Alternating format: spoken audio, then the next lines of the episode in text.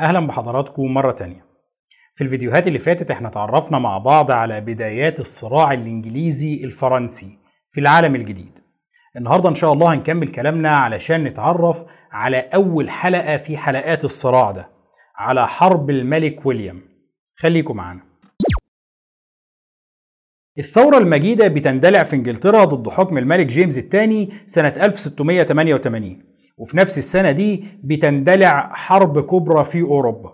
الحرب دي اللي هي حرب السنوات التسع اللي حصل إنه زي ما وضحنا لويس الرابع عشر كان ملك قوي جدا. وفي عهده نفوذ وقوة فرنسا كانوا بيتوسعوا كل يوم أكتر من اليوم اللي قبله. التوسع ده كان بيحصل داخل أوروبا وخارجها. وطبعا ده كان شيء مثير للقلق عند قوى أوروبية كتير. من 40 سنة بس في حرب الثلاثين عام كانت فرنسا محاصرة بقوى معادية من كل اتجاه وكانت متحالفة مع إمارات ألمانية ومع هولندا ومع دول تانية كتير علشان تقدر تصمد أمام النمسا وأمام أسبانيا. ولكن دلوقت الوضع اتغير. فرنسا في عهد لويس الرابع عشر بقت هي اللي بتمثل تهديد للنمسا والأسبانيا مش العكس. لويس الرابع عشر بيستغل القوة الفرنسية الصاعدة دي في محاولة بسط النفوذ الفرنسي خارج حدود فرنسا. الراجل كان بيحاول يسيطر على أجزاء من الأراضي الواقعة في ألمانيا الحالية وإيطاليا الحالية وبلجيكا الحالية بحيث أنه يبقى فيه حائط صد ما بينه وما بين القوى الكبرى القريبة منه. سواء النمسا والإمبراطورية الرومانية المقدسة أو حتى هولندا اللي كانت في الوقت ده اتحولت هي كمان لقوة أوروبية كبرى يتخاف منها. ولكن التوسع الفرنسي في المناطق دي ما بيعجبش أي حد من جيران فرنسا. كل الدول المجاورة لفرنسا بتشوف إن زيادة قوة فرنسا هو خصم من قوتها. وعلشان كده لأول مرة بيتكون تحالف ما بين أعداء الأمس. النمسا وأسبانيا اللي هم الكاثوليك اللي بيحكمهم الهابسبرج بيقرروا إن هم يتحالفوا مع هولندا البروتستانتية. الطرفين اللي كان بقالهم أكتر من 100 سنة في حروب متواصلة بيلاقوا إن خطر التمدد الفرنسي ده كافي جدا علشان ينسوا العداء القديم ويوحدوا جهودهم. وبالفعل التحالف ده بيتكون وبتشتعل حرب ما بين فرنسا من جهة وما بين تحالف بيضم الإمبراطورية الرومانية المقدسة وأسبانيا والبرتغال وهولندا والسويد. تحالف بيضم قوى كاثوليكية كبرى مع قوى بروتستانتية كبرى كل دول ضد فرنسا. ومع نجاح الثورة المجيدة في إنجلترا الملكة ماري والملك ويليام بيجلسوا على عرش إنجلترا في حين إنه الملك جيمس بيهرب لفرنسا. والملك لويس الرابع عشر بيرفض الاعتراف بشرعية حكم ويليام وماري وبيدعم جهود الملك جيمس لاستعادة عرشه وبكده بيكون الموضوع اتحسم. إنجلترا كمان هتدخل الحرب إلى جانب هولندا والنمسا وأسبانيا ضد فرنسا. أوروبا كلها بقت في كفة وفرنسا في الكفة الثانية الحرب دي بتبدأ زي ما قلنا سنة 1688 وزي ما هو واضح من اسمها الحرب دي بتستمر لمدة تسع سنوات. على مدار التسع سنوات دول القتال بيندلع ما بين الأطراف المتحاربة دي في جميع أنحاء أوروبا تقريبا. وفي أغلب فترات القتال ده القوات الفرنسية كانت بتقدر تحقق تفوق نسبي بالرغم من تعدد خصومها. ولكن على الجانب الآخر الحرب كانت منهكة جدا اقتصاديا لفرنسا. لأن تكلفة الحرب الضخمة دي كانت موزعة على كل الدول المتحالفة ضد فرنسا. كل الدول دي كل دولة منها بتتحمل جزء من تكلفة الحرب. بينما في الجانب الفرنسي فرنسا كانت مضطرة إن هي تتحمل لوحدها نفس التكلفة دي. ولكن إحنا يهمنا هنا جانب مختلف من الصراع. بمجرد اندلاع الحرب في أوروبا بتندلع حرب موازية ما بين المستعمرات الإنجليزية في العالم الجديد والمستعمرات الفرنسية. الحرب في أوروبا كانت فرنسا فيها في طرف وباقي دول أوروبا كلها في الطرف الآخر.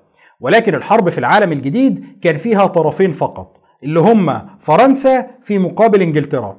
أو لو عايزين نبقى أدق فالحرب دي كانت ما بين المستعمرات الفرنسية والمستعمرات الإنجليزية. بس الفكرة أنه في المرحلة دي لا فرنسا ولا إنجلترا كانوا مستعدين أن هم يبعتوا جيوش ضخمة وإمدادات عسكرية كبيرة من أوروبا للمستعمرات التابعة ليهم. كل دولة منهم كانت أراضيها مهددة بالاحتلال في حالة إن هي خسرت الحرب بتاعتها دي. وعلشان كده كانوا مستحيل يفرطوا في كتائب عسكرية كبيرة ويبعتوها للعالم الجديد. الجندي اللي هينقص من ساحة القتال في أوروبا ممكن يقلب موازين المعركة ضد الدولة اللي فرطت فيه. طبعا النقطة دي بتخلي القتال في العالم الجديد هو حرب مستقلة تماما. المستعمرات الإنجليزية في مقابل المستعمرات الفرنسية. ونقدر هنا إن إحنا نتجاهل الدعم المقدم من كل دولة للمستعمرات بتاعتها.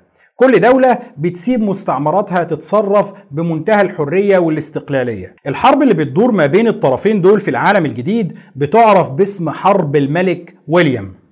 خلينا هنا ناخد فكرة عن حجم القوتين اللي كانوا بيحاربوا بعض في العالم الجديد. المستعمرات الإنجليزية كان عندها تفوق كاسح من النواحي العددية على الأقل. عدد سكان المستعمرات الإنجليزية مع بداية الحرب كان تقريبا 154 ألف مستوطن في مقابل حوالي 14 ألف مستوطن فرنسي فقط في كل المستوطنات الفرنسية 154 ألف في مقابل 14 ألف. طيب كده المفروض إن الحرب دي خلصت. الطرفين عندهم نفس التكنولوجيا العسكرية ونفس مستويات التسليح تقريبا وأكيد فاهمين بعض من النواحي الاستراتيجية يعني العقليات نفسها والتخطيط متقارب. ومع فارق أكتر من عشرة مقابل واحد المفترض إن الحرب دي كده نتيجتها محسومة. ولكن الحقيقة إنه لأ الموضوع ما كانش بالبساطة دي. سكان المستعمرات الإنجليزية ما كانوش متحدين ولكنهم كانوا متقسمين على ثلاث تجمعات للمستعمرات اللي هي المستعمرات الشمالية والوسطى والجنوبية. وكل تجمع من دول كان منقسم لمستعمرات. كل مستعمرة كان ليها إدارة مستقلة. المستعمرات الإنجليزية الجنوبية مثلا كانت بعيدة عن جبهات القتال وبالتالي تقريبا ما بتشاركش في الحرب دي خالص وبيقع العبء الأكبر من المجهود الحربي على عاتق المستعمرات الشمالية اللي هي المستعمرات المعروفة باسم منطقة نيو إنجلاند. بس برضه حتى لو افترضنا إن القتال ده كان ما بين المستعمرات الإنجليزية الشمالية وما بين الفرنسيين. برضو المستعمرات الشمالية لوحدها كانت متفوقة على الفرنسيين تفوق كاسح لأن المستعمرات الشمالية كانت الأكثر اكتظاظا بالسكان. فبرضو الطبيعي إن الإنجليز هنا ينتصروا لأنهم ما زالوا الأكثر عددا بمراحل. حتى ولو كانت النسبة الفعلية أقل من 10 لواحد زي ما كنا بنقول من شوية. ولكن هنا في عامل تاني لازم نحطه في اعتبارنا. العامل ده اللي هو طبيعة السكان دول نفسهم. المستعمرات الشمالية كانت مكونة من أسر كاملة. علشان كده لو طلعنا النساء والأطفال بره الحسبة هنلاقي إن عدد السكان الرجال القادرين على القتال هيبقى في حدود 20% مثلا. بينما الفرنسيين على الجانب الآخر كان وضعهم مختلف. أغلب المهاجرين الفرنسيين وأغلب المستوطنين اللي كانوا في المستعمرات الفرنسية كانوا مهاجرين رجال وأغلبهم كان عنده خبرات عسكرية سابقة. فبكده هنلاقي إنه الكفة بدأت تتوازن بدرجة كبيرة. أي نعم برضه لا يزال الإنجليز متفوقين ولكن ما بقاش التفوق الكاسح اللي يخلي الانتصار بتاعهم مضمون. وهنا بيجي دور العامل الثالث اللي هو التحالفات مع السكان الأصليين. الإنجليز كان عندهم تحالف قوي مع الأعداء الطبيعيين للفرنسيين من السكان الأصليين اللي هم قبائل الإيروكوي. في حين إنه الفرنسيين بينجحوا في تكوين تحالف قوي مع تجمع للسكان الأصليين اسمهم كونفدرالية واباناكي. ودول كانوا بيشملوا مجموعة ضخمة من القبائل القوية والمقاتلة. طبعا التحالفات دي بتساهم في إنه الكفة تتوازن أكتر وأكتر ما بين طرفي القتال. إنما في النهاية وبالرغم من كل العوامل دي إلا إنه الإنجليز كانوا لا يزالوا متفوقين على الفرنسيين. والفارق العددي ده هو اللي بيفرض على كل طرف من الطرفين دول أسلوب القتال في الحرب دي. الفرنسيين كان أسلوب القتال بتاعهم معتمد بدرجة كبيرة على استراتيجيات الحرب الخاطفة الضربات السريعة والمركزة لأنه الفرنسيين أعدادهم كانت قليلة فكانوا بيحاولوا يوجهوا ضربات سريعة وموجعة للإنجليز. وبعدها ينسحبوا قبل الإنجليز ما يقدروا يجمعوا قوات كافية للانتصار عليهم. بينما الإنجليز كان أسلوبهم معتمد على تحركات أقل ولكن بأعداد أكبر. تحركات الإنجليز كانت على الأغلب أقرب للحملات الضخمة مش الغارات. طيب الصراع ما بين الطرفين دول بيدور في جبهتين كبار.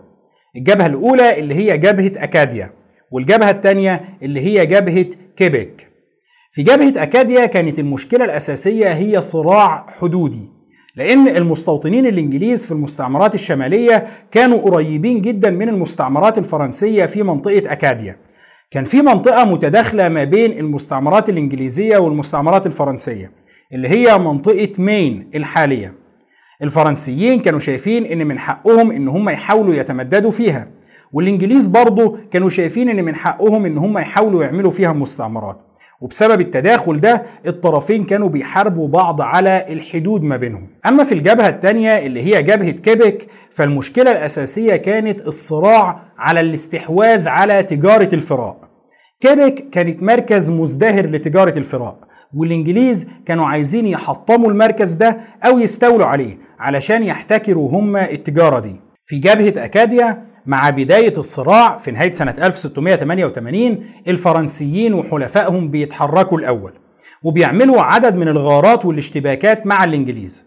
أي نعم الغارات والاشتباكات كانت محدودة ولكنها كانت مؤثرة والسكان الأصليين المتحالفين مع الفرنسيين بيلجأوا هنا لاستراتيجية جديدة وهي بيع الأسرى الإنجليز في أسواق الرقيق في فرنسا الجديدة. دي نفس السياسة اللي كان الإنجليز في المستعمرات الشمالية بيتبعوها مع الأسرى بتوعهم من السكان الأصليين من أيام حرب البيكوات إن هم لما يأسروهم يستعبدوهم. دلوقت السكان الأصليين بقى عندهم القدرة على إنهم يردوا الضربة دي للإنجليز. طبعا هنا الإنجليز بيضطروا إن هم يتحركوا ويحاولوا يجمعوا قوات كافية لرد الهجوم ده. الإنجليز بيبعتوا قوة مكونة من حوالي 250 جندي من المستعمرات الشمالية علشان يدافعوا عن تجمع للمستوطنين الإنجليز في مين. القوة دي بتشتبك مع الفرنسيين وحلفائهم سنة 1689 وبتنجح بالفعل في صد الهجوم الفرنسي وحماية المستوطنين الإنجليز. وبعدها القوة الإنجليزية دي بترجع لبوسطن. ولكن بمجرد الإنجليز ما بينسحبوا لبوسطن الفرنسيين بيعيدوا الكرة مرة تانية. وبيهاجموا المستوطنين الإنجليز هناك. والمرة دي بتدور معركة كبيرة اسمها معركة فالموث.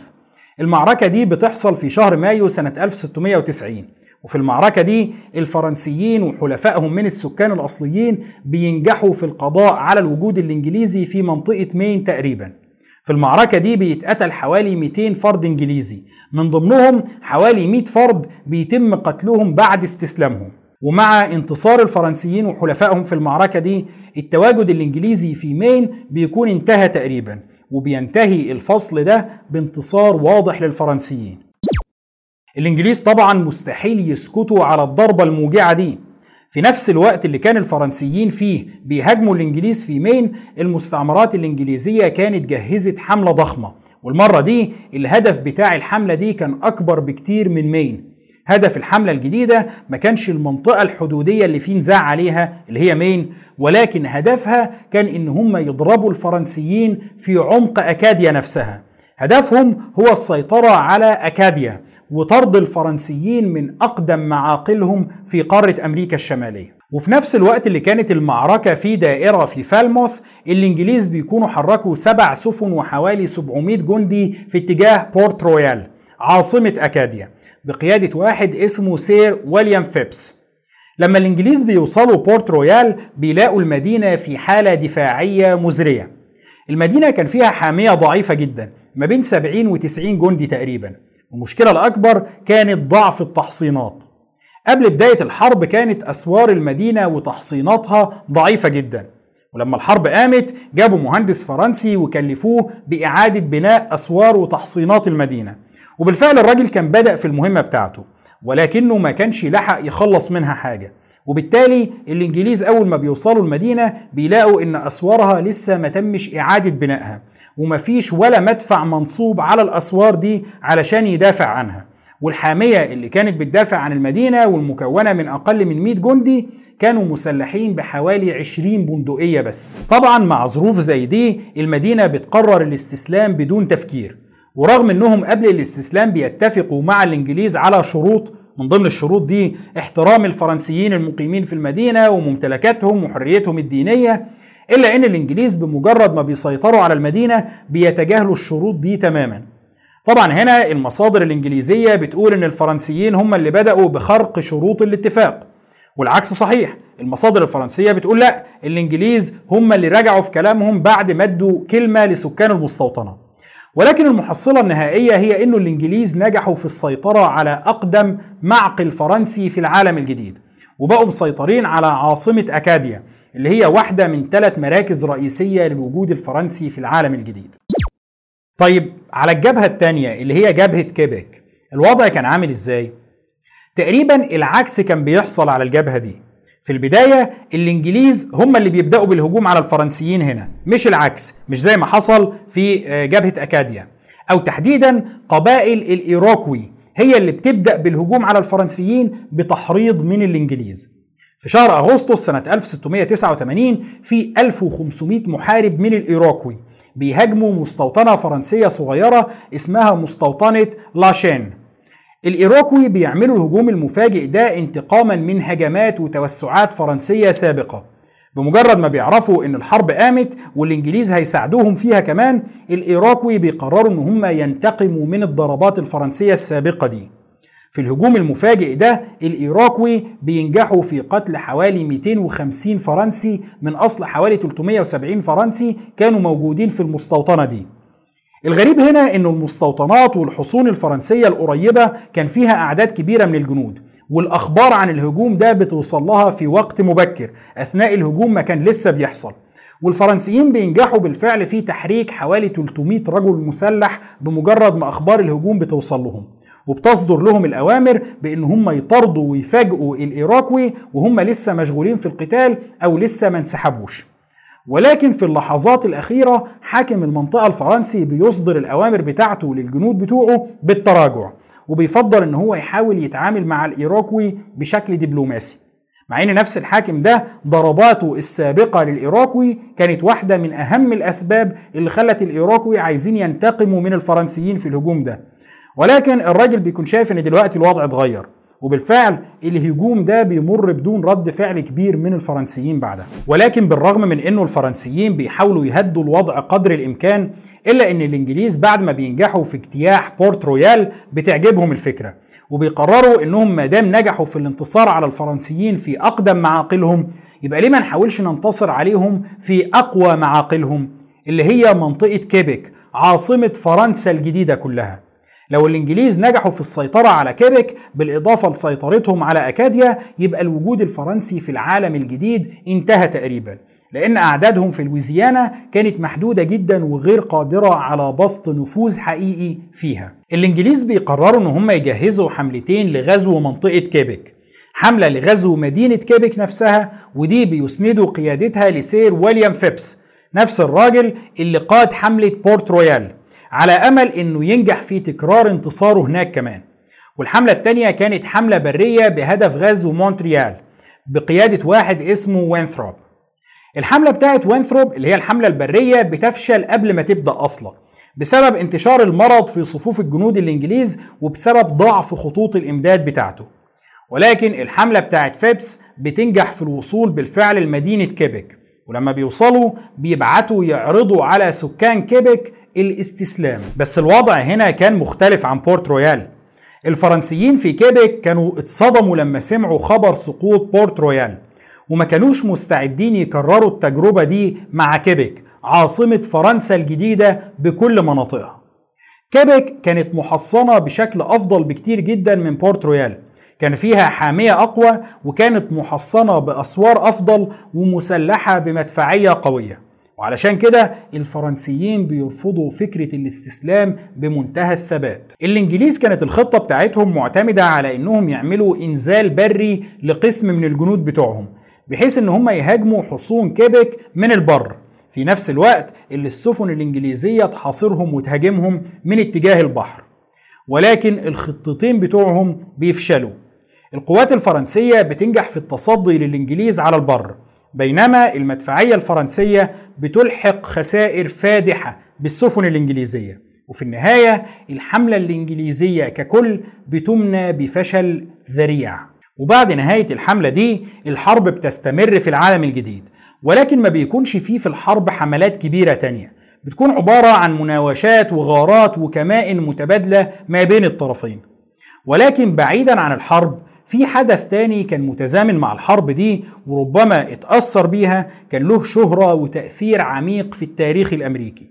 الحدث ده اللي هو محاكمة السحرة في سيلم سنة 1692 كان في طفلتين في مدينة سيلم عمرهم 9 سنين و11 سنة. الطفلتين دول كانوا يبقوا بنت وبنت أخت مسؤول في كنيسة سيلم الاتنين كانت بدأت تظهر عليهم أعراض غريبة. كان بدأ يجي لهم نوبات بيصابوا فيها بالغضب الشديد أو يبدأوا في الصراخ غير المبرر ويكسروا الحاجات الموجودة حواليهم. طبعا الراجل ده اللي هو المسؤول في كنيسة سالم بيقرر إنه يجيب لهم دكتور. يعني عايز يجيب لهم دكتور علشان يكشف عليهم. وبيروح فعلا يجيب لهم دكتور اسمه ويليام جريجز الراجل بعد ما بيكشف عليهم كويس ما بيلاقيش فيهم أي مشكلة عضوية. فبيقول له بص يا حاج البنات دول مسحورين. معمول لهم عمل. طبعا لأن البنات دول قرايب مسؤول في الكنيسة اللي هي مركز تجمع لكل سكان سيلم الخبر بينتشر بسرعة. في حد شرير بيعمل سحر للبنات الصغيرين. وزي ما هو متوقع بنات كتير في سيلم بتبدأ تظهر عليهم أعراض مشابهة. خلاص بين يوم وليلة بقى نص البنات في البلد بيصرخوا وبيكسروا في أي حاجة يلاقوها. والتفسير الجاهز للموضوع هو إنهم مسحورين معمول لهم عمل. وهنا بتظهر واحدة من البنات دول. البنت دي اللي كان ليها الدور الأكبر في القصة دي. البنت دي كان اسمها اليزابيث هوبارد ودي كانت بنت أخت الدكتور ويليام جريجز اللي هو أول واحد شخص البنات دول بإنهم مسحورين. اليزابيث هوبارد كان عمرها في الوقت ده تقريبا 17 سنة وكانت عايشة مع خالها اللي هو الدكتور جريجز لأنها كانت يتيمة. ومن خلال معيشتها معاه عرفت بموضوع البنات المسحورين والأعراض الغريبة اللي ظهر عليهم دي. وهنا إذ فجأة سبحان الله بدأ يظهر عليها هي كمان نفس الأعراض. ولكن الجديد هنا هي إنها بدأت تتهم بعض الستات من جيرانها بإن هم اللي عملوا لها السحر ده. طبعا مع الهستيريا اللي حصلت دي ومع وباء الفتيات اللي كلهم بيقولوا إن هم اتعمل لهم سحر وإن هم بيمروا بنوبات غريبة الوباء اللي ضرب المدينة ده اتعمل محكمة خاصة للتحقيق في الادعاءات دي. وبدأوا يستدعوا المتهمين دول علشان يشوفوا هم فعلا بيمارسوا السحر ولا لأ. وطبعا المحكمة كانت بتسمع شهادة البنات اللي معمول لهم السحر دول. وأكتر واحدة اتسمعت شهادتها في المحكمة كانت إليزابيث هوبرد اللي واضح إن الموضوع كان عاجبها جدا لدرجة إنها كانت بتدخل في النوبات دي في قاعة المحكمة نفسها. هوبرد لوحدها قدمت حوالي 40 اتهام. وشهدت 32 مرة قدام المحكمة. ده طبعا غير أهالي البنات التانيين اللي كل واحد منهم لما لقى بنته مسحورة قال يبقى أكيد اللي عمل السحر ده هو الناس اللي بيكرهوني. وراح شاف مين بالظبط اللي بيكرهوه دول واتهمهم في المحكمة. الاتهامات اللي كانت في البداية قاصرة على الفقراء والمشردين والعبيد امتدت بعد كده لتشمل الجميع بلا تمييز.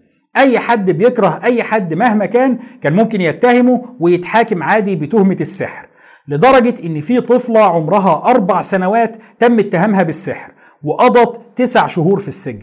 في خلال موجة الهستيريا دي تم توجيه الاتهام لأكثر من 200 شخص وتم إدانة 30 واحد منهم. من ال 30 دول في 20 واحد تم إعدامهم بالفعل. ومن ضمن العشرين اللي بيتم إعدامهم في 13 واحد تم اتهامهم أو إدانتهم بفضل إليزابيث هوبرد هوبرد لوحدها كانت مسؤولة عن 13 حالة إعدام.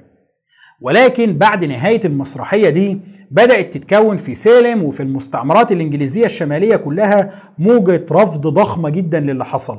بقى واضح للناس كلها إن أكيد اللي حصل ده مش طبيعي وإن الهستيريا دي راح ضحيتها أبرياء كتير. ولكن السؤال المهم هنا هو ليه ده حصل في المقام الأول؟ إحنا كده فهمنا إيه اللي حصل بس لسه ما فهمناش هو ليه حصل. إشمعنى الاتهامات دي انتشرت في المرحلة دي والمكان ده تحديدا؟ وليه لقيت حد يصدقها ويمشي وراها لحد ما تم إعدام 20 شخص؟